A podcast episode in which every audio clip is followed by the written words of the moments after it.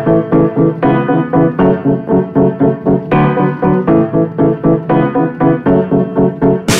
god dag, god dag, god dag, god dag, god dag, og velkommen til en ny episode av Uken kurert med han PD-gutten og han Vega-gutten. Dette er en podkast som kurerer eller kuraterer uken for deg. Denne episoden kommer til å bli en eh, litt spesiell episode. For vanligvis så har vi med oss Vegard i studio, men eh, han har vi hatt litt problemer med å lokalisere etter fasten forrige uke.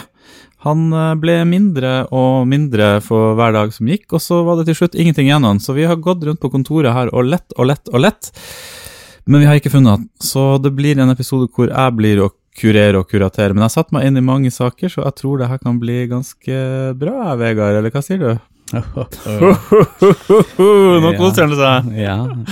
Jeg endelig Du kan ennå se meg i, i bredden, om ikke i høyden. Du, det har jo vært eh, litt av en uke. Ja. Så forrige episode, da hadde vi fasta i tre dager når uh, vi var i innspilling. Fikk veldig mye kritikk for at vi snakka for mye om pass. Ja, så det skal vi snakke veldig litt om i dag. Uh, men vi skal snakke bitte, bitte, bitte, bitte litt om det. For da var vi midt i fasten, og vi er ferdig med fasten. Mm. Eh, jeg tror jeg kunne høre tilbake på episoden at vi hørtes litt uh, slappere ut enn det vi kanskje pleier å være. Ja, jeg er helt enig. Eh, og ting gikk litt tregere, eh, men det blir mye bedre i dag, for nå har vi spist Og, og, og, og ikke bare litt. masse karbohydrater og spesielt. Fasten gikk veldig bra. Onsdagen når vi spilte inn podkast, da vil jeg si vi kom over kneika. Eller da var vi over, faktisk. Så torsdagen var veldig, veldig smooth. Veldig mye energi, veldig positiv og glad. Det var en av de bedre ukene jeg har hatt i mitt liv, altså. Oi, oi. Ja, fikk jobba bra, kosa meg bra, alt, alt var på stell. Og når vi våkna på fredagen, helt fin. Vi skulle spise klokka 11 eller 12, eller noe sånt. og Det var liksom ikke noe stress. Det var ikke sånn at jeg gleder meg spesielt mye til spisinga. Jeg, jeg gleder meg til det, men jeg, jeg så gleder meg til det sosiale, for vi hadde gjort en stor greie ut av Mm. at vi skal ha lunsj med hele, hele selskapet, og Ja. kjøpt inn en spesielt god falafel. Så den var god, den. Eh, Men da begynte kroppen å jobbe med mat igjen, og man merka det var sånn slitsomt. Plutselig magen begynner å rumle, og det var liksom sånn Man savna nesten å holde seg unna mat. Ja, jeg, jeg trodde jo den skulle smake bedre enn den gjorde. Den smakte bare helt, Mm. helt normal. Ja, den smakte godt, liksom, men Ja. det var liksom ikke crazy. Så jeg tror vi har funnet ut at det her var noe vi likte veldig godt. Mm. Og Vegard ser veldig tight og, og fin ut her han sitter eh, og fister med i T-skjorta si. Mm. Eh, Så eh, jeg tror vi kommer til å gjøre det igjen, kanskje i november. Ja, det har vært gøy, det. Og da prøve å kjøre litt lenger, fordi når man er over kneika og er godt i gang, da kan man egentlig bare kjøre på litt til. Så gøy. Vi hadde fem dager, eller noe sånt. Fire, fem, ja. Kunne vært gøy å gjort sju, kanskje, eller noe sånt. Ja, jeg, jeg føler en uke er jo veldig fin og rund. Jeg må stoppe det der. Vi har ikke lov å snakke mer om faste, da får vi så mye kritikk. Yep. Så vi skal gå videre til å snakke om det vi driver med. Har du lyst å forklare hva denne podkasten gjør, Vegard? Eh, nei. Det er en podkast som heter Eh, ja, det, der, derom strides de lærde. Uka kurert. Ukan kurerad. Uka kurerad, og den kuraterer eller kurerer uka for deg. Ja. Og det betyr at vi enten går gjennom nyhetssaker eller kurerer. Ja. Vi vet ikke lenger hva vi holder på med, merker jeg når jeg snakker. Nei, jeg, jeg, jeg føler jo det skillet er ganske tydelig på at Mm. kuratere er når du bare sier hva som har skjedd, og kurere enn når du prøver å komme til et litt dypere poeng. Uansett, vi koser oss med nyhetssaker. Ja, vi koser oss her i sofaen. Og fiskekaker. Og fiskekaker. Vegard har akkurat spist fiskekaker, faktisk. Det har jo vært en uh, veldig fin nyhetsuke. I, absolutt. Og Vegard har gjort en veldig god jobb på å finne noen veldig artige saker som vi gleder oss til å snakke om. Ja, ikke noen utprega gladsaker, men uh, ikke Ja, første saken er nå litt glad. Ja, jo, ok, rett. Uh, vil jeg påstå. Um, og det har vært mye eldre saker vi har snakket om også, som vi skal litt innom også på slutten, i, i det som heter Previously. Ja, plutselig så var det veldig mye ting som løsna på en gang. Ja, Så det er våren vet du, som er her. Ja, vårløsning. Ja da. Sol- Sola skinner. Ja, Ja. vi koser oss. Så har jeg en sålig sola. Du, skal vi eh, begynne med ukens sponsor før vi setter i gang med selve podkasten? Ja, nå har vi begynt å spise igjen, så nå må vi ha litt penger. Yes. Nå har Oslo begynt å åpne opp igjen, og det er tilbake på kontorene. Der venter også den sure kontorkaffen som må tvinges ned for å få dagen i gang. Hvorfor ikke prøve noe nytt? Vitalin sin nye koffeinpatch kan du klistre på armen og få en jevn strøm av koffein i blodet gjennom hele arbeidsdagen. Bli oppkicka uten evige dobesøk, hjerteflimmer, kaffeånde eller generelt sur og lunken kaffe. Koffeinpatch får du utdelt på din lokale metadonklinikk. Ja, det er en dårlig forretningsmodell, men uh, god sponsor. Ja da, en god sponsor, og de betaler godt. Uh, og det er ikke rart, fordi eh, narkotikum uh, koster litt. Absolutt. Koffein er kanskje ikke et narkotikum, men det her drar oss jo rett videre på første saken, Ja. som er mikrodosing av LSD. ja. Det er, apropos Det, er den nye kaffen, ikke det? Ja, så mikrodosing av LSD er jo en ting som har vært populært i Silicon Valley i, I noen år, fem år? eller i noen år. Og det er jo liksom sånn LSD Altså Steve Jobs, grunnleggeren av, um, av Apple. Mm, Han var veldig, han var veldig glad i epler. Ja, han var veldig glad. Han spiste mye eple, faktisk, Mm. på en av de diettene sine. Anyways, han uh, drev jo i hvert fall med LSD, vet jeg. Ja, det var jo veldig stort i hele den Ja, 70-tallet. Hippie 70-tallsgreia. Ja. Og så har det vært litt sånn dødt på 80-tallet, og vært litt sånn der å nei, man ikke ta LSD, da hopper man ut av vinduet og tror man kan fly og sånn. Ja. Men så har den liksom gjort sitt comeback i teknologibransjen de siste fem årene, kanskje. Ja, men på en veldig spesiell måte, da. Ja, og det er det vi skal snakke om eh, nå. Og det her er en nyhetssak, det er ikke bare noe vi tar opp fordi vi hadde lyst til å snakke om det. Det er da en sjef i et selskap som mista jobben. Eh, Gjør han ikke det? Jo, det var CEO i Iterable, som jeg ikke, ingen, ingen vet hvordan man uh, Ja, sier. det høres ut som et startup-company, det. Absolutt. Iterable. ja. og det var, jeg prøvde å undersøke hva det var, det var veldig vagt. Ja. Eh, Det var et sånt markedsføringsfirma som multichannel, så de kunne gjøre markedsføringa di på, på tvers av alle plattformer. Oi, på tvers, ja. Ja, Så du kan eh, ha det samme beskjeden på Twitter, eller på Facebook, eller mail, eller på eh, mobil. Det minner meg om Voff, kjenner du til det? ja, absolutt. Ja. Eh, The Office. The Office de hadde en veldig god gøy spøk. Det er veldig mye startup-selskaper overalt, og det er veldig vanskelig av og til å skjønne hva de driver med. Man kommer inn på nettsiden, og så er det bare sånn Man skjønner faktisk ikke hva de gjør. Man må være kanskje i den bransjen de er for å i det hele tatt forstå hva det her er. Altså, det bare, ja. Ja, jeg har vel lest såpass mye av det nå, så jeg skjønner sånn halvveis hva det ja går ut på. enkelt nok så er det vel Voff de har lagd, de har bare putta det inn i mange ord, da. Ja. Men Voff det var en tjeneste hvor du kunne Du hadde en beskjed du skulle gi til noen, og den kunne du gi, gi på alle plattformer samtidig, så faks, og det er noen som ringte deg og sa det du skulle si, og sånne ting. Jeg synes det var en god idé, artig. En vits, da, selvfølgelig, fra The Office. Mm. Jeg, jeg regner med at de her lagde heller en uh, profil på deg med adresse og sånt, så kunne du sende i forskjellige typer uh, markedsføring til deg. Ja, jeg skjønner. Og det må da ha vært eh, to, to milliarder dollar. Og, Altså, vi kan ikke snakke om startup-selskaper eller sånn generelt, det er bare så sykt mye penger i det her nå. Vi kommer tilbake til det i en senere sak, da, men det er liksom to milliarder for Voff. ja, Ja, ja, anyways, vi skal snakke om mikrodosing. Ja. ja.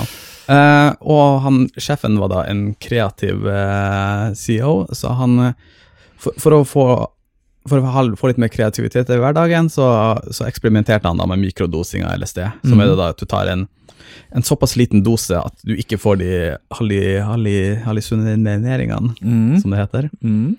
Uh, men at du får litt, litt mer kreativitet, får litt mer fokus, får litt eh, ble litt bedre humør. Mm. Eh, og han hadde da tatt det for et møte, og så hadde han fått sparken av styret. Det har sikkert foregått noe mer bak kulissene, men det, det var liksom grunnen til at han fikk sparken fra, fra selskapet sitt. For han hadde tatt det før et møte. Ja, Men han drev og mikrodosa, det var det han drev på med? på en måte. ja han eksperimenterte med det. Mm. Det kan være at det, det gikk dårlig den dagen, akkurat han ble, ble litt At det ble litt for mye Ja, at han sitter og kvitrer i møte eller noe sånt. mm. Hva med om man kan gi en beskjed, og så blir den sendt ut i verdensrommet samtidig? Mm. Mm. Det kommer mye god i det, sikkert. der. Absolutt. Uh, og det er jo litt sånn artig at han, uh, at han fikk, for det, det er jo det her møtet med Silicon Valley, der man har litt sånn veldig løs kultur Mm. på, på sånne ting, og liksom forretningsverden, der man kanskje er litt mer tradisjonell. Mm. Uh, men ja, nei, eh, det, det jeg skulle frem til var jo da at det her er jo en veldig sånn, sånn stor trend generelt i Silicon Valley, som vi nevnte, at eh, samtidig denne uka så har, har det kommet en nyhetssak om at eh, eh, sånn mikrodosing av MDMA Mm. har, gå, har gått videre i eh, sånne trials, så nå er det kanskje, kanskje neste år, kanskje, eller kanskje året etter, så blir det godkjent for, eh, for medisinsk bruk. Ja, så det blir sånn eh, mot depresjon-type Ja, PTSD. Ja. Det høres jo veldig lurt ut, da. Jeg mener jo veldig mye av det de narkotikaene man på en måte omgir seg med, som egentlig er veldig gode legemidler, som bare Mm. og i utgangspunktet har vært legemidler. Bare man doserer det riktig. Ja, Det er ikke alle som vet at heroin er et uh, uh, Hva heter det? Heroin er et devaluert varemerke, på samme Mm. måte som Farris. Eh, man sier man skal ha Farris-vann uansett hvilket vann med kullsyre man kjøper, på en måte, eller potetgull som er eid av Mårud, men som alle bruker om potetchips, da, på en måte. Ja. Heroin er akkurat det samme. Det var et varemerke til et medisinsk produkt. Det er jo et opiod. opio Ja. ja. Som egentlig var det. Så veldig mye av det der greiene kom fra legemiddel. MDMA er vel ecstasy sitt virkestoff i sin tid. Ja, men ecstasy er vel med speed, hvis ikke jeg tar feil. Ja. Her burde vi kanskje researche, nå sitter folk og river seg i håret. Ja, ja. Folk er så opptatt av sånne der, der ting, vi kan så lite om det. Um, men uh, det er jo veldig positivt at man tar det på en måte inn, tilbake i medisin, og begynner å bruke det. For det er jo ofte ganske potente, gode stoffer som egentlig gjør en ganske god jobb. Ja, de sier så. Jeg har ikke prøvd det. Og så er det jo ofte testa ut på veldig mange folk. ja. Sånn at folk har bare testet. Sånn som LSD, da. Mm. er jo blitt testa ut på ganske mange folk gjennom 70-80-tallet, sånn, fordi mange folk har prøvd det. Som, det virker jo som et relativt trygt stoff å drive og mikrodosere. da. Absolutt, for de prøvde jo ganske syke mengder i back in the days. Ja.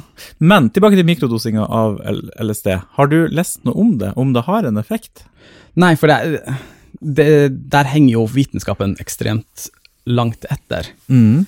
Uh, det, det er jo litt sånn en så moderne trend innad i, i liksom vitenskapen at man skal være veldig evidensbasert. Mm. eh, som er en tradisjonell verdi i vitenskapen, men det har blitt veldig fokus på at man ikke skal si ting man ikke har dekning for. Mm. Problemet med det er jo at man blir hengende veldig langt etter. Så det er jo eksempel da med korona, at liksom maskebruk Nei, det finnes ikke noe bevis på maskebruk funker. Mm. Men liksom eh, eh, Ja, hvis, hvis du sier altså, Logisk sett så vil det jo så klart funke å stoppe spyttet ditt fra å gå inn i munnen til andre. Mm. Uh, og akkurat det, den greia ser du også i sånn her veldig sånn nybrottsarbeid innen legemiddelgreien. At mikrodosing er såpass nytt at det finnes ikke noe forskning på det. Ja, men det må være det at folk føler seg veldig mer kreative da, hvis det funker. Man skulle jo tro det, at litt Ja. LSD om eh, dag, dagen Ja. gjør godt for mange, liksom. Ja, ja man har jo bare anekdotisk data på det, da. Ja. Men jeg har forberedt en liten ting. Ja. Selvfølgelig veldig dårlig forberedt, men eh, jeg hadde en følelse at ikke du hadde noe på om det funker eller ikke med mikrodosing av LSD, Ja. så derfor har jeg forberedt Du har tatt med LSD? Derfor har, jeg, derfor har jeg forberedt litt hvor LSD kommer fra, for det syns jeg er veldig interessant. Og Ja. det her er fritt fortalt etter en podkast jeg har hørt på, eh, som er veldig seriøs og god, så jeg tror det er sant det han sier. Mm. Eh, Ikke nevn podkasten, for da begynner folk å høre på den istedenfor. ja, det er det så vi må ikke nevne tåkeprat. Nei, sa jeg det nå? Uh, ok, så LSD ble oppdaga, uh, eller oppfunnet, jeg vet ikke hva man sier. Jeg tror det blir oppdaga, man sier nesten. Mm. Fra en fyr som drev og synteserte stoffer med tanke på eh, antipsykotiske stoffer, var det han holdt på med. Mm. Og jeg innbiller meg helt Walt, Walter Walter eller et eller annet sånt. Werner. Og jeg innbiller meg at det her var på 40-tallet, eller noe sånt, 30-40-tallet, og før krigen, mener jeg ganske Mm, sikkert. Mm, kanskje Kristus. 80. Så det er veldig eh, selvfølgelig vage fakta jeg kommer med, men uh, jeg tror det er noe sannhet i historien er helt sann. Mm. Så han hadde holdt på eh, på laboratoriet og syntesere masse forskjellige stoffer, og så kom han hjem uh, en dag og følte seg veldig rar. Eh, han har vært på kontoret hele dagen og følte seg bare veldig sånn rar og lett i hodet og merkelig, og så gikk tilbake og så på hva han hadde holdt på å lage den dagen, og da var LSD25, som det heter, Mm. et av de stoffene han hadde syntesert. Og han hadde lagd veldig små mengder av det, men han merka at han fikk en rus av det, fordi han hadde hatt det på huden og holdt på å jobbe med det på en eller annen måte. Mik mikrodosa det litt. Ja, egentlig mikrodosa det. Eh, og så glemte han litt av det. Han tenkte ikke så mye mer på det. Han bare fikk en rar effekt av det. Og så en periode etterpå så begynte han å tenke veldig mye på den LSD-25-greia han hadde lagd en gang, som han hadde fått så mye effekt av. Fordi det som var med det, var at det var en veldig liten dose han hadde lagd, enda sånn han kjente. Så det Mhm. var et veldig potent stoff, det skjønte han allerede da. Så da hadde han syntesert eller lagd en større del av det.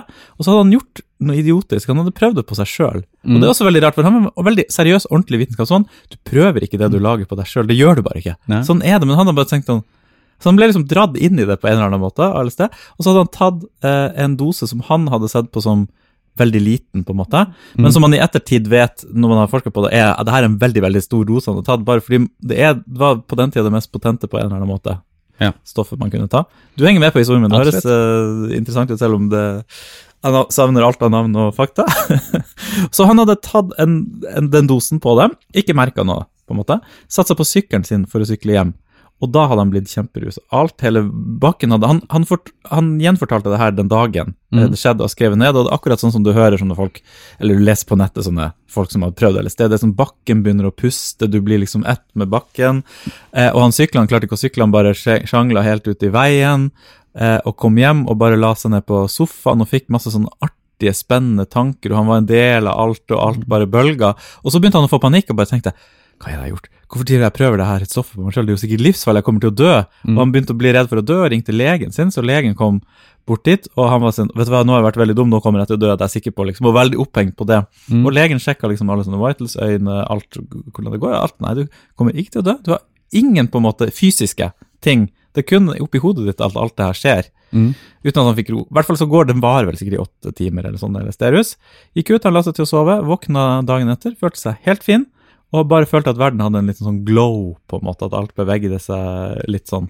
Og det var sånn han oppdaga, det, det var liksom sånn LSD ble til. Ja. Og så eh, ble det veldig raskt satt i bruk til eh, antipsykotisk, eller begynte å bli brukt til forsker på det. Ja. Og så vet jeg ikke så mye mer enn det, men da ble det brukt i hvert fall som et legemiddel i mange år, frem til det begynte å bli populært for folk å ta det på 60-70-tallet, eller et eller annet sånt.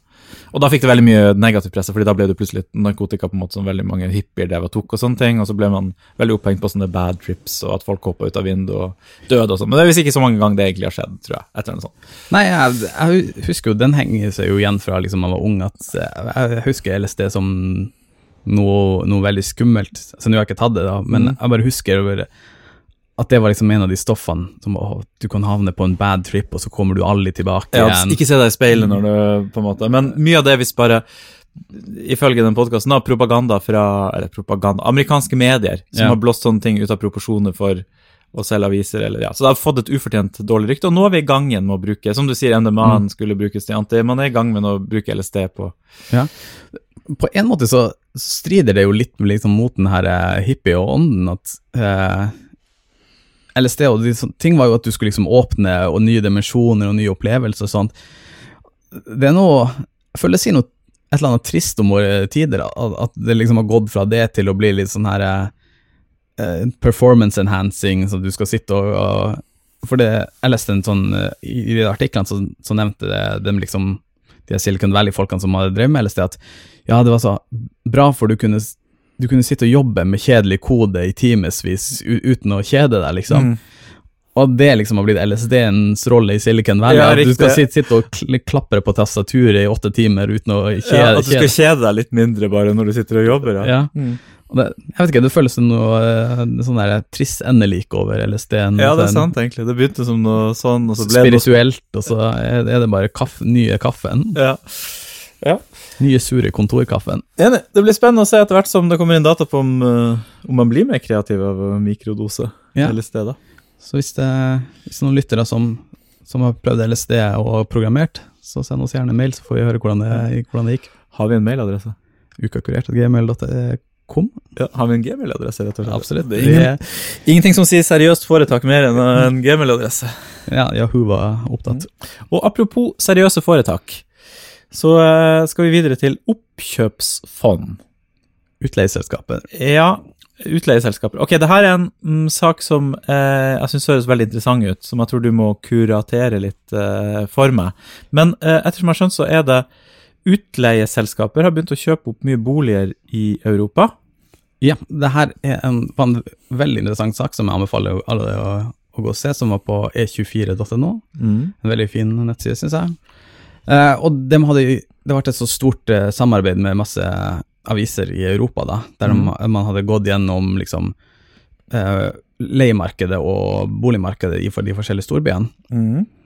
Og da, da ser jeg litt på, på liksom hvor mange utleieleiligheter det er og, og sånt. Og de hadde kommet da fram til at siden 2008 så har det vært en eks eksplosiv vekst i sånne oppkjøpsfond og sånne store selskaper som har kjøpt seg inn i, i leiemarkedet da, og, og Riktig, ja. tatt over større og større markedsandeler. Sånn, Så- så, sånn som Heimstaden, eksempel, i, Ja, i Oslo. Så, så det som skjer er at et oppkjøpsfond som har masse penger, Ja. de jobber bare med å kjøpe opp bedrifter, de kjøper opp et utleieselskap Ja, eller blokker, eller Ja, og så putter de penger inn i det utleieselskapet, og Mm. så kjøper det utleieselskapet flere boliger, på en måte. Ja, Den putter penger inn i boligmarkedet, egentlig. rett og slett. Og gjør at det blir dyrere for folk å kjøpe bolig da, på sikt. Eh, på sikt, ja. Det Greia med sånne oppkjøpsfond er jo gjerne at de, de har ganske langsiktig eh, perspektiv på sånne ting, så det, det er ikke ofte, det er ikke alltid de tjener penger på korte, Mm. kort tid, men greia er å få mest mulig markedsandeler, da. Ja. Uh, og, og det var en ganske interessant sak i om at man fikk se at vi klager jo ganske mye på boligmarkedet her i, i Norge, men Oslo egentlig, står egentlig ganske godt i det med, med når det kommer til liksom utleie Hvor mye stor andel av markedet som er utleie, hvor, hvor stort som er liksom kjøpt, og hvor Mhm. mye som er eid av utenlandske firmaer og sånt. Uh, og da har du liksom sånn som byer i Zürich, der 91% av alle som bor der, er leiere. Ja, Zürich. Ja. Og det er hovedstaden i ikke, ikke hovedstaden, men det er vel i Sveits. Det er en by i Sveits. Ja. Zürich. Ok, så der er 91 leieleiligheter. Ja. For det er noen som eier hele boligmarkedet, egentlig. Er det da veldig dyrt å kjøpe der, eller er det bare vanlig å leie? Det er et spørsmål du sikkert ikke kan svare på. Eh, jeg husker ikke nøyaktig Sveits, men jeg tror de er ganske høyt oppe, i, for de hadde også en oversikt over hvor mye av inntekten går til bokostnader. Ja. Og der eh, ligger også Norge ganske, der ligger Norge ganske høyt, Ja. på 14,6 eh, Mens du har liksom helt ned i, i, i Finland og sånn, så er det vel ned i 5% ja, riktig. i Helsinki. Så du hva det var i Sveits, da? Nei. Nei. Um, så, så vi vet ikke om det er da veldig dyrt å kjøpe der, eller om det bare Fordi i mange land er det sånn trend at du bare leier, på en måte, og i noen land Mm. er det trend at du kjøper, sånn som i Norge, da. Ja, det er jo veldig tydelig at Norge jo, skiller seg ganske ekstremt ut når det kommer til eh, altså eierandelen. Ja, ok. Så det er bare 26 eh, i, i Norge som, er, som leier. Ja, så det er veldig mange som Nei, i Nei, Oslo, Oslo mener jeg. Ja, Oslo. Ok, så det er bare 26% som leier, faktisk.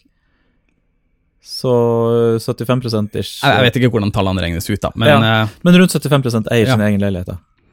Og det, er jo, det er jo ganske bra, da. Ja, det er jo absolutt. Det har vært eh, politisk mål, det, da. eh, Mm. I alle år. På godt og vondt, på en måte. Ja. Men det, altså, det spørs jo Det her er jo da fra 2009, da. Mm. Uh, og vi hadde jo egentlig ikke noen sånn finanskrise på den måten i, i, i Norge, og derfor poppa egentlig alle de boligbobla. Mm. Så jeg tror det er veldig dyrt for, for sånne oppkjøpsfond å komme inn i norske, Ja, for du får så lite for pengene. Man satser ikke på det, for det er så dyrt å komme seg inn. Så det er Mm. bedre å gå inn i som du sier, i Zürich, hvor du kan kjøpe opp leiligheter og leie ut, og så vet Mm. du at det her uh, tjener du penger på. Absolutt. Men er boligprisveksten like ekstrem i Europa som den har vært i Akkurat det gikk de ikke ut med i den har, Jeg vet jo at den er det i byer som London. Mm. Eh, byer som Det er den eneste byen jeg vet. Der er det jo veldig veldig dyrt å kjøpe eh, leilighet, på en måte. Det er jo mye mye dyrere enn Oslo igjen. At Mm. I i Oslo så får du på en måte, eller i fjor i hvert fall, fikk du som enslig kanskje kjøpt deg en, eh, en ettroms eller toroms.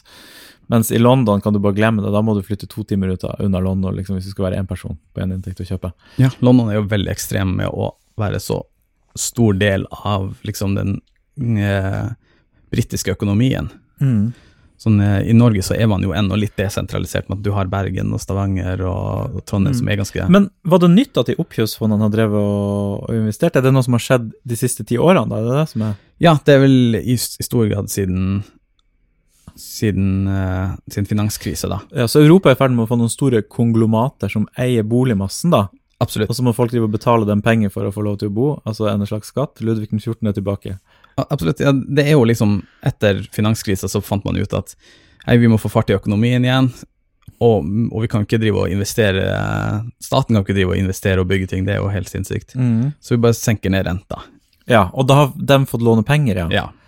Så det har de brukt på å kjøpe boligmasse, egentlig. Mm. Og det snakka vi jo litt om på kontoret her, at det ser du jo i bransje etter bransje. Ja, for det var det jeg hadde lyst til å gå videre inn på det. Er det noe mer du har lyst til å si om det? At oppkjøpsfondene kjøper boliger? Du kan bare begynne på din, så ser vi etter hvert. Ok, fordi det hadde jeg lyst til å snakke om, og det er det at penger har blitt gratis de Ja. siste ti årene, spesielt etter finanskrisa, så har det aldri henta seg inn igjen. Og penger er gratis for de rike, men koster enda penger for de vanlige dødelige, som oss, på en måte. Mm. Alle, alle renter har gått ned, bortsett fra kredittkortrenta. Ja, ja, det er egentlig godt sagt, syns jeg. Så eh, de rike får nå lov til å låne uendelig mye penger til nesten null rente, som de kan bruke på hva de vil. Mm. Og da ender man opp med et verden hvor du har de her oppkjøpsfondene, som bare egentlig er et fond eid av noen rike folk, som låner kanskje penger, eller bare har masse penger. på Ja, of- ofte så er det jo andre sine penger, at de tar bare betalt for å styre pengene Ja. til andre. Og målet med oppkjøpsfondet er bare å vokse seg så stort som mulig, egentlig, og kjøpe opp bransje etter bransje eller aktører. Og det har skjedd Jeg kjenner jo musikk- og lydbransjen. I, I fysisk butikkverden innenfor lyd uh, og musikkinstrumenter, så har det liksom vært et par sånne store oppkjøp som bare har kjøpt alt som er, og så er det til syvende og sist bare de som de drar prisen ned på alt, og så er det bare de som driver, egentlig. Og det har vært sånn stor frustrasjon blant alle som driver mindre butikker og sånne ting, at, at, at de, de driter fullstendig i hva de selger, de bare kjøper opp, på en måte, de har bare en sånn mal de følger bransje etter bransje.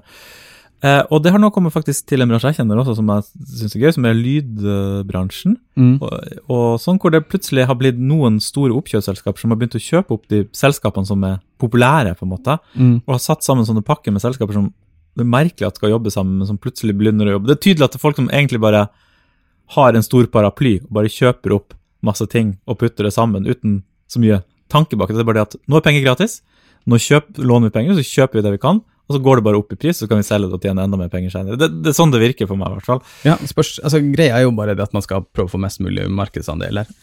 Hvis du er den største kjøperen og den største selgeren, så, så, så er liksom eh, Poenget er at du skal få e- enorm makt som kjøper, og enorm makt som selger, sånn at du liksom setter eh, pri, Altså, du bestemmer hvordan all, alles kjøp skal foregå. Mm. Altså hvis, skal, hvis noen skal selge noe, og det eneste de kan selge til deg, så bestemmer du jo prisen sjøl. Ja, ja, ja. Og det ser du f.eks. i dagligvarebransjen, der alle sånne små leverandører blir skvisa som bare det. Mm. Uh, og at, ja, når det er få, få, få uh, sånne kjeder, så samarbeider de også med pris Ja. ofte. Så kamerater, velkommen til kommunistpodden. Ja. Eh, men det, det, det føles som at vi har to forskjellige økonomier i verden for tiden. Det er de rike som driver med de oppkjøpsfondene, og så er det den virkelige verden, på en måte, som vi andre eksisterer i. Mm, vi med kredittkortene. Ja, vi med kredittkortene. Og det irriterer meg egentlig litt, for vi bor i den samme verden, og det er vår arbeidskraft som er det eneste som skaper noe, på en måte. Så at de her pengene som driver og svirrer rundt oppi der, det er så fiktivt. Mm. Tenk på stakkars podkastarbeidere som Ja. sliter på Sliter om å ha sponsorer som reklamerer for Mm. narkotikum, og ja. Og så er det Schibsted som sitter på markedsandelene til Ja, slutt. Schibsted, og det er jo interessant. Vi har fått noen sånne i Norge òg nå. Kahoot er jo et selskap som jeg syns er et helt merkelig selskap. Mm. Tjener aldri noe. Nei, det kommer aldri til å tjene noe penger, tror jeg i hvert fall. Kahoot er et selskap som har lagd quizer til skoler, basically, som du kan bruke. Ganske enkelt, kopierbart produkt, Mm. eh, som har gått på børs. Og folk, det er jo vi lever i en fantasiverden akkurat nå. Folk det er bare på børs, bare putter masse penger inn i det, ja, det her kommer til å gå bra. Så har de fått masse penger, og så har de begynt å bare kjøpe opp masse andre selskaper som heller ikke tjener penger, men som er innenfor skolesektoren, på en måte. Så nå har de blitt sånn stort skolesektorkonglomat som er verdsatt i mange milliarder, men de selger quiz-app, liksom. Ja, og en av hovedpoengene med Kahoot er jo at det er gratis, så du kan bare alle Ja, kan de, har, bare de har betalingsløsning og abonnementsløsning. Kjempedyr. Jeg bruker jo Kahoot av og til. Jeg synes det er ja, gøy å og du betale betaler for det. Ja, nå måtte plutselig du får opp til 20, og så får så så mye måneden. og- Altså for meg var ikke det så aktuelt. Men det var liksom sånn typ 3000 for årsabonnement hvis du skulle ha uendelig med brukere, som jo er ganske dyrt. da, så en skole må ha en del av det. I don't know. Det produktet kunne jeg ha lagd på eh, Nei, det skal ikke jeg skryte på meg, men det, det produktet føles ikke så komplisert å lage, på en måte. Nei. Eh, men klart de har mange nedlastninger og sånne ting. Men verdsettet til milliarder av kroner ah, vi, er, vi, vi begynner å blåse mye luft inn i bobla. Vegard. Ja, men med når eh, plutselig en tulling som skal bare lage Kahoot til fest, begynner å betale, eh, da, jeg vet ikke, da sitter du kanskje på en god uh, markedsandel. Ja, kanskje. Kanskje. Uh, jeg har ingen anelse om hvordan økonomien i det selskapet. Jeg bare ser at de kjøper opp mange andre selskaper. Mm. Whiteboard kjøpte de opp nå nylig. Det sjekka ut. Et finsk selskap. Jeg tror de betalte Det var jo billig, da, for så vidt. Sånn typ 30-40 millioner norske kroner for det. Å, det er så mye for pengene. Ja, Hva gjør de? Ja, hva gjør det når man er verdt milliarder? Og det var et selskap som du kunne dele en tavle. Så si at du har Zoom med med en klasse, så kunne du dele på en måte en tavle, så kunne du tegne på tavla, så så de hva som ble tegna. Ja. Jeg tror det var det. Altså, det var jo også sånn Nettsida var litt sånn Ja, det hadde jeg også betalt 40 millioner for. ja, men Det så ut som jeg hadde lagd nettsida. Det var Mm. litt sånn, det så ut som det her har Peder prøvd å høsle noe greier, på en måte. Uh, men det funka sikkert, da. Det var bare, det er bare Kan ikke noen komme og kjøpe opp Uka kurert? Det er det jeg jeg prøver å si. 40 på- millioner. Sch- Schibsted, dere har jo så mye penger. Ja. Um, Vi, vi kan ta det, gjøre for halve jobben som friminutt. ja. Du, Jeg har vel lønna. Ja, stemmer det. Det har vi snakka om før, at Ja. alle de her går bak betalingsmurer. Og det er jo akkurat det samme som skjer, egentlig. Mm. Nei, vi må stå sammen, kamerater. Ja, Frem med giljotinen. Ja. Åh, Tror du vi kommer dit igjen? Ja, det har vært deilig å ta, ta noen av de Ja. På et tidspunkt så kommer folk til å slutte å akseptere at det er sånn som eh, det er, men det er kanskje et stykke igjen. Ja, kanskje vi begynner å selge giljotiner. Det er en genial idé. Hvis vi er de eneste som tilbyr giljotiner, Vegard. Mm. Um, skal vi si at vi er ferdig med å, å snakke om bolig for i dag? For i dag. Ja, for i dag. Jeg tror ikke vi er ferdige for, for godt. Der ble det både kuratert og kur kurert. Det var en god sak. En av de bedre Uka kurert-sakene. Vi er gode når vi har spist, Vegard. Det Det er det de sånn. sier om dere er gode når dere har spist. Ja, alle, helter kjører på fiskekaker. Du, vi skal over til en eh, Jeg vet ikke om den er gøyal eller trist eller begge deler. Jeg syns det er mest gøyal fordi det er så historieløst. Ja, Vi skal til Florida. Florida er der de fleste, de beste nyhetssakene kommer fra. Ja, det kan man si. Eh, og det her, det her er ikke en typisk Florida-historie, da. Det her er snakk om et uh, selskap som fant ut at vi er ikke noe glad i mygg. Mm. Det, her, det her må vi gjøre noe med. Og det, det må jo sies at mygg bærer jo med seg mye sykdom, da, så jeg, så jeg skjønner dem godt. Mm. Hva, Mygg høres ikke så ille ut. Det er vel moskitos man kaller det der borte. ja, høres det verre ut? Ja, det høres jo sånn Å, moskitos, ja. Ja. Eh, men iallfall, de, de bærer på mye sykdom, og spesielt i nede i tropiske strøk. Mm. Og for å begrense antallet mygg, da, så har noen som kommet med en genial idé om at man slipper ut genmodifiserte mygg Mm. for å da bekjempe eh, myggbestanden. Og det, måten det funker på, er at det, det er genmodifisert med, en, eh, med et gen som gjør at alle De slipper ut masse, masse hannmygger Mm. som parer seg med kvinnemygger, og av, av de kvinne, når de kvinnemyggene legger egg, så kommer alle de kvinnelige fostrene til å dø. Mm. Og det er bare kvinnelige mygger som suger blod, ak akkurat som uh, mennesker. Riktig. Uh, og da Ja, da, da blir neste generasjon da kommer til å være mye, mye mindre fordi de har para seg med, med, de her genmodifiserte Ja, myggene. jeg skjønner, som vil halvere Ja.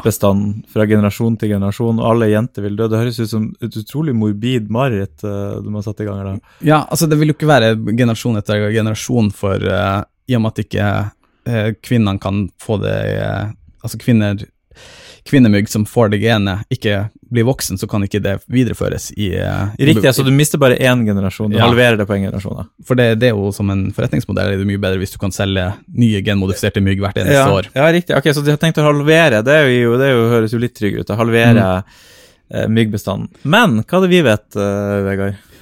De har allerede gjort et eh, forsøk i, i eh, Brasil, og Ja. der har vist det seg at noen av de her genene hadde gått over til Det var noen kvinnelige mygg som hadde blitt født med det genet likevel. Riktig, altså Da har vi begynt å genmanipulere naturen og tatt Ja. bort eh, et gen som gjør at ting blir født, og så stikker de oss med en brodd i Ja, og så Mm. plutselig kommer det inn, så får ikke vi eh, men, menneskelige kvinner født. Det er jo sånne ting som skjer, da. Ja. Og, og eh, Children of Men. Hva var det den het, den filmen? Veldig bra film. Ja, faktisk. Åh, kanskje jeg skulle kost meg med en film i kveld, Vegard. Det var en digresjon vi ikke skal inn i nå. Nei. Em, men eh, det jeg skulle si var at vi har jo prøvd det her før på 30-tallet i Kina. Ikke vi, da, men Ikke vi direkte. Dette er jo en klassisk historie som alle kjenner til, og som alle kjenner til.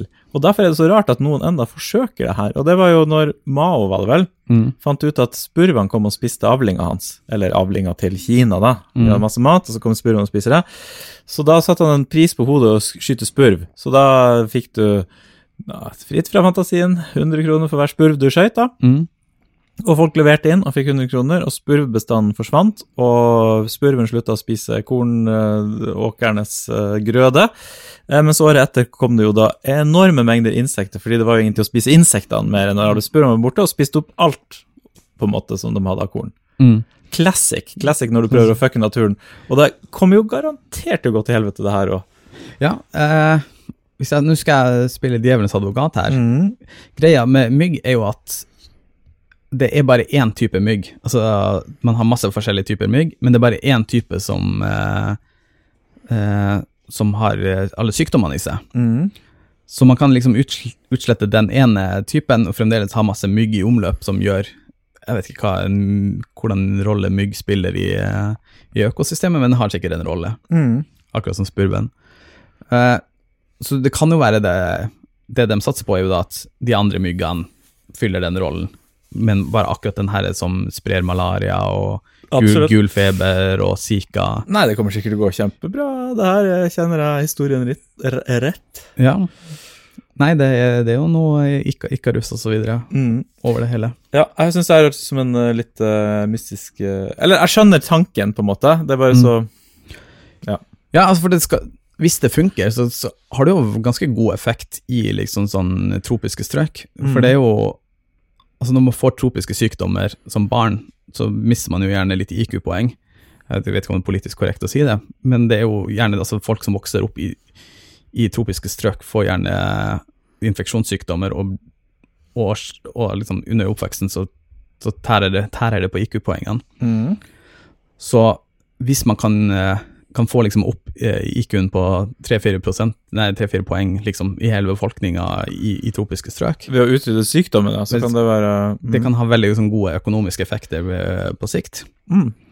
Eh, så, så det har jo absolutt noe for seg. Det er jo utrolig mye tid og energi som brukes på de sykdommene, malaria ja, eksempel. eh, ja, hvis alt kommer fra moskito. Ok, jeg begynner å skjønne. Jeg begynner å bli eh, bedre, mer glad i ideen. Ja, for det er vel litt sånn 100 millioner Vet du mennesker. hva, du har solgt meg inn. Jeg kjøper. La oss blåse opp aksjen.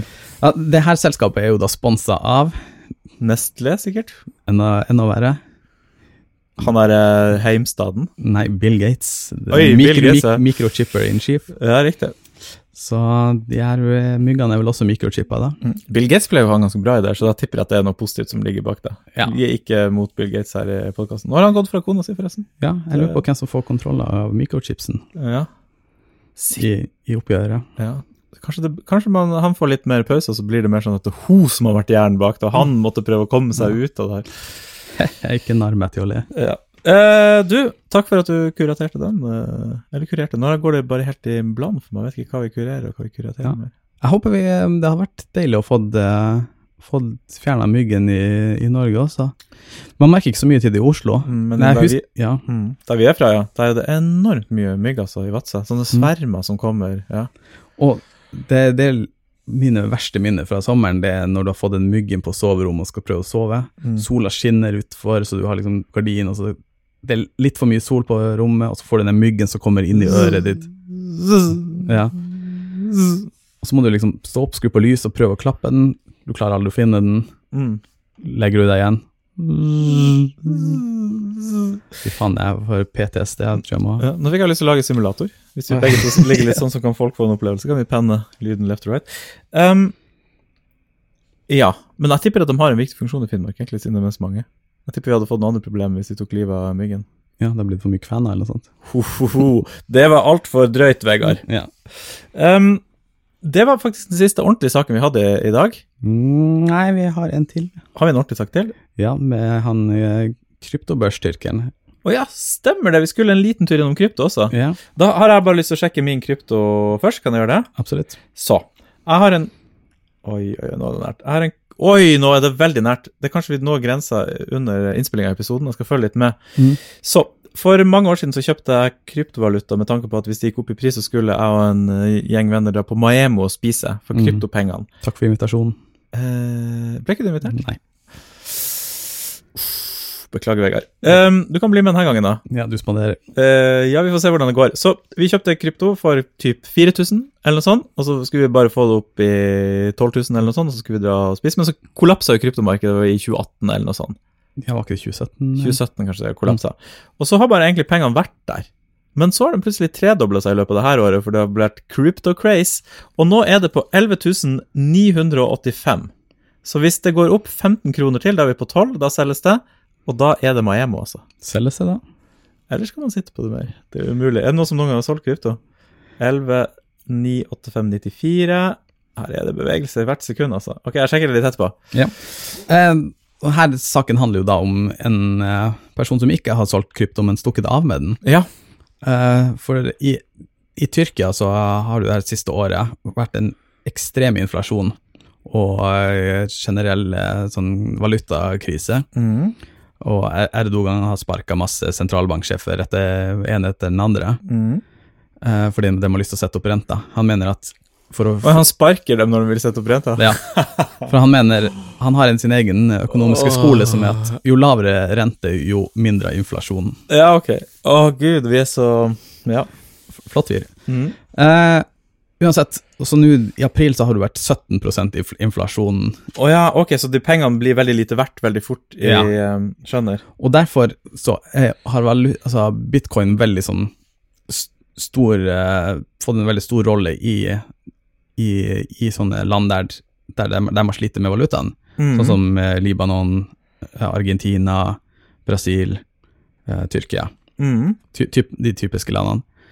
Eh, og da, var- da var det da en, sånn, en av de største eh, kryptobørsene i Tyrkia, som plutselig på 21. april sa at hei, nå kan vi ikke dere ta ut penger, for nå det kommer et stort oppkjøp, så vi stopper alle, all handel med krypto mm. eh, de neste dagene fremover. Og folk klikka jo helt da og ringte politiet. Politiet prøvde å få, få kontakt med han som styrte denne børsen, mm. men av en eller annen grunn så var han borte. Ja, riktig. Så han hadde da rømt landet, rømt til Albania med Det er litt sånn usikkert med nøyaktig hvor mye penger eh, det er snakk om, da. Mm. Jeg så noen artikler sto det to milliarder dollar, eh, på TV2 så sto det eh, 100 millioner dollar. Ja, Så riktig. et, et, vis, et høyt antall eh, dollar. Ja. Og han er, er sporløst forsvunnet.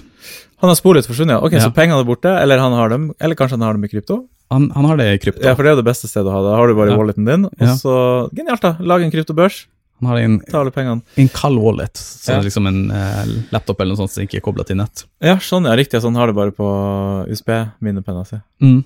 Du, det her var et stort problem husker jeg, i starten, i kryptoens fødsel. Det var jo det at det var sånne børser, og så var det, stakk den bare av med pengene, egentlig. Ja. Det var sånne innbrudd på børsene. altså Jeg vet ikke hvordan det funka rent teknisk, men ja. Det er det ingen som vet. Men tydeligvis foregår det enda i Tyrkia. Coinbase er jo den store nå, det er jo der vi har vår krypto. Mm. Og de er verdsatt i mange milliarder, faktisk, som selskap. Ja. Altså i, i, i, vanlige penger. Jeg, jeg gleder meg til han stikker, de stikker av med pengene. Mm. Du, det var godt med en liten gladkryptosak. Da kan jeg si at vi er på 11.996. Altså vi er fire kroner unna Maemo. Det er jo helt vilt, egentlig. Jeg lurer litt på hvordan han der fyren skal omgjøre de kryptoene. For han, man kan vel spore det på en eller annen måte, eh, kryptoen han har, hvis han skal Mhm. prøve å liksom bytte det over til penger. Så han må selge det på en eller annen måte, tenker jeg, den walleten. Ja. Uh, Det er jo veldig anonymt, tror jeg, så det tror jeg han skal klare helt fint. Ja. Uten at jeg vet de tekniske detaljene, så tror jeg han har walleten. Han kan ta ut en greie, man kan se at han eier den. mm, Man vet ikke hvem han er uansett, tror jeg, i den chainen. Så selger han bare den til noen andre. Ja. Vips, så har han fått 474 293 kroner inn på konto. Pluss handling fees, da, sikkert. mm. Så eh, det der tror jeg kommer til å gå veldig bra. Han kommer aldri til å bli funnet, han kommer til å bli en rik gutt. Flytte til Brasil og selge walleten for, til den lokale mafiaen. Det hadde vært, ganske smooth bare gjort alt på en gang. Ja, så er du ferdig med det. Ja. Så kan de ta over. Mm. Men da må de ha ganske mye penger, da. Du, det var siste saken, ikke sant? Absolutt. For da kan vi gå videre til eh, Previously, som vi også har masse på. Vi må jo alltid haste videre i denne podkasten. Alltid mye å snakke om. Jeg hadde bare lyst å nevne før vi går inn i å snakke om saker som vi har snakket om litt før, bare for å ta opp tempen, at Line Andersen Det har vært en interessant sak denne uka, Mm. eh, som hadde vært naturlig å snakke om, kanskje. Men vi skal prøve å finne ut litt mer av den saken. Og sannsynligvis blir det en sak neste uke. Ja. Line Andersen er da hun journalisten i NRK som Det er noe merkelig som har skjedd der. Ja, Peder eh, bryr seg om sjakk, så han vet hvem det her er. Ja, jeg bryr meg om sjakk og syns det er gøy å se på. Hun har vært programleder på sjakk masse, og så har det vært ja, Det er noe rart som har skjedd der. Det blir litt spennende å se saken, prøve å finne ut litt mer om denne saken. Absolutt. Så previously, eller previously på Uka kurert. Nice. Det var fin intro. Ja, ja, ja. Lag Lager den sjøl. Du, jeg har lyst til å snakke litt om korona bitte litt, bare først. Absolutt. Jeg syns Israel sine smittetall er så fantastisk interessante. Jeg tror ikke folk flest følger like mye med på det som det jeg gjør. Så nå skal jeg gå og finne de her. Eh, så Israel har eh, vaksinert over 60% av befolkninga si. Og de har, den kurven er helt fantastisk å se. Og 5. mai, eh, det er da i går, når den ble spilt inn, så var det nye tilfeller 70. 70 nye tilfeller i en Mm. befolkning på 80 millioner som har samfunnet helt åpent. De har vaksinert så mye at R-tallet er, er nesten ingenting. Og for uh, Det kan jeg jo si, da. For uh, en 15. april, altså to uker siden rundt der, så var det på 130, hvis du skjønner. Mm. Så det halverer seg enda. Og det har gått fra en topp i januar på 8000-9000 nye tilfeller hver dag. Så det har gått fra 9000 nye tilfeller hver dag til 70. Skjønner Ja. du? Det er, de har bekjempa korona. Jeg syns det er helt utrolig. Det er gode nyheter, og kanskje vi kan komme dit en dag. Ja, kanskje det blir en uh, sommer på oss likevel. Kanskje. Det, det var egentlig bare det jeg hadde lyst til å si om korona, så jeg skal ikke mase mer om det. Nei, det, jeg tror, jeg føler vi har snakka en del om det før. Ja. Greit, da var jeg ferdig med min previously, faktisk. Ja. Uh, ok, du hadde ikke lista der? Nei, har du den der? Absolutt. Um, ja, det, det har jo vært en par do dommer, da, i, som på saker vi har tatt tidligere. Mm. Eh, den såkalte IS-kvinnen. Ja. Hun fikk dom på tre og et halvt år, som Ja. hun anka, anka umiddelbart, da. Mm. For der, her var det jo store spørsmål, liksom, at eh, Hvor stor liksom eh, del av skylda skulle hun ha sjøl, da, Mm. for, at, for å, å reise nedover til å, å, å ta en del av den islamske stat uten å nødvendigvis Hun har sikkert ikke halshugd noen sjøl, men Mm. hun, det liksom aktor eh, vektla jo, var jo da at hun liksom ved å, å støtte opp under, under de her eh, fremmedkrigerne som dro dit ned, så har hun liksom hatt skyld i, i alle de her eh, kriminalitetene som har foregått der, der nede. Mm. Og det var jo da tydelig det ble tatt høyde for i, i dommen. Eh, og da hun fikk tre, tre og et halvt år uten at hun nødvendigvis liksom, Personlig har jo ikke hun gjort noe galt, Mm. men hun har deltatt i terrorisme Ja, på den måten. jeg skjønner. Mm. Eh, hun er anka, da, så det, det er, så, som alle krimsaker så foregår det jo i årevis. Ja, ja, jeg syns det hørtes ut som en grei dom, det, hvis jeg skal være helt ærlig. Jo, vet ikke. Ja. det er tre, tre og et halvt år, det er jo ganske kjedelig. òg. ja, absolutt, men hallo. Mm. Eh, andre saken, rettssaken som også fikk dom nå, var jo han Jørn Lier Holst, om det er sånn man sier det, Ja. eh, som da tok opp sine lydbøker på nytt. Han var i, i konflikt med, med forlaget sitt, Mm. som da hadde låst altså Forlaget har sin egen sånn lydboktjeneste, Ja. og så, solgte da hans eh, lydbøker eh, eksklusivt inn til sin egen eh, lydboktjeneste, som da han ikke tjener noe Altså Han ville jo tjente mer på at de bøkene blir solgt på det frie markedet. ja, ok. Sånn som altså Forlag vil jo da selge vanlige bøker til alle typer eh, bokhandel. bokhandel, Ja. eh, men det har vært litt sånn uh, loophole der med at i og med at de eier lydbokselskaper, så har de bare solgt i det. Å ja, sånn det er bare ett lydbokselskap som får tilgang på Ja. hans bok, liksom. Og det lydbokselskapet eier forlaget hans. Ja. ja, så forlagene eier hvert sitt lydbokselskap, liksom. Ja. Mm. Og han mener jo da at det her er jo idiotisk, dere stjeler jo penger fra meg. Ja, fordi min lydbok burde være overalt, så alle Ja. kan kjøpe den. Ja. Skjønner. Så han har gått liksom inn med egne summer, eller jeg vet ikke om det er egne summer, men han har spilt inn alle bøk, lydbøkene på nytt og solgt det til, til konkurrentene. da. Ja, skjønner. Uh, og det var jo en stor tvist nå i, eh, i rettssaken, Oi, og, han, spennende. og Og, han, vant, han vant. så det her er egentlig groundbreaking for uh, de selskapene, for det jo, har jo vært liksom mafiaselskap, mafiavirksomhet i bokbransjen ja, alltid, da, og Ja. spesielt mot de lydbøkene og sånn. Så det betyr at det er egentlig mulig for forfatteren å bestemme hvor lydbøkene skal få selges, da, siden han vinner, tydeligvis. Absolutt. Eller hvis du produserer det sjøl, så ja. kan du i hvert fall selge det sjøl. men det her var jo første instanse, da, så det går jo sikkert helt, helt til EU-domstolen Ja. til slutt. Ja, det kan godt være, for det her betyr jo at han eier rettighetene på lydboka, det er ikke forlaget som eier det. Jeg skrev boka, dere eier rettighetene til å gi ut boka, jeg eier rettighetene til å gi ut lydbok. Sånn det virker for meg? Jeg vet ikke. Ja, en, en sted at jeg tror de sitter på rettighetene, men i og med at de nekta å selge det Mm. eh, til konkurrenter, så var det greit at han gjorde det. Ja, Men, men jeg tror hvis, hvis eh, forlaget hadde sagt at vi selger til alle selskaper, så hadde, han så hadde det ikke vært greit. ja, jeg skjønner. Så det blir jo garantert anka, så det blir spennende å se hva som skjer. Ja, det går jo eh, evig tid, det blir jo aldri noen saker som tar slutt. Men, absolutt ikke. Mm. Men det er jo evig innhold for oss. Ja, vi Jeg kikker igjen på mobilen, skal vi se hva som kommer ut. og det siste var da Tollefsen og eiendomsskatten. Ja, Tollefsen og eiendomsskatten. Ja, og her skal jeg, føler jeg skal spille Er han en fiende av oss? Nei, jeg skal bare spille litt djevelens advokat her. Ok. Du vet, Det er veldig påvirkelig, så når du blir det, så blir jeg litt enig. Ja, jeg er litt enig i det også. Eh, Det hadde jo kommet da fram at han har betalt eh, eh, ekstremt lite i, i arbeids... eh, Nei, i eh, eiendomsskatt. Og Tollefsen det er han som eier Heimstaden, Heimstaden, selskapet, og de har kjøpt masse utleie, leier ut masse boliger i Oslo, blir rik på eiendom. Ja. Og så har det da kommet fram at han har betalt ekstremt lite eh, eiendomsskatt på, på de boligene. Ja, så han eier, men er det fordi et, det er et selskap som eier boligene, Ja. og de skal betale eiendomsskatt på boligene, Mm. men de har betalt veldig lite av en eller annen grunn. ja. Og grunnen er jo da at eh, man betaler ikke skatt på eiendomsskatt på boliger med under 5,7 millioner i verdi. Ja. Og alle de utleieleilighetene han har kjøpt opp, er jo gjerne de sånne små, Ah, riktig. eh, små leiligheter. Så han han har veldig lite av dem som faktisk går i eiendomsskatt. Ja, Så han har egentlig bare hatt flaks at han har Ja. vært under grensa, ja. Og det er det jeg mener med at jeg skal være djevelens advokat, at det er jo ikke hans skyld at Jeg skjønner det har vært en sak i media, men det er ikke hans skyld at vi har satt grensa på 5,7. Det er mer flaks at han har kjøpt småleiligheter. Ja, for det gir jo mening å leie ut. Du Ja. ikke, kjøper jo ikke en 120 kvadrats på, eh, på Grünerløkka for å leie ut. Mange gjør det òg. Ja, ok. Da får du store kollektiv. Men ja. Ja, Mm. sant, sant nok. Uh, og Ja, nei, så, så det er jo Det er jo ikke Det er jo absolutt ikke hans skyld. Man kunne jo sagt at Men det, det burde, som det burde selskap, det burde egentlig vært en annen beskatning, det er akkurat det. Ja, det. Beskatninga er feil, fordi den treffer litt skjevt. Det har jo man alltid ment om den boligskatten, liksom. Absolutt.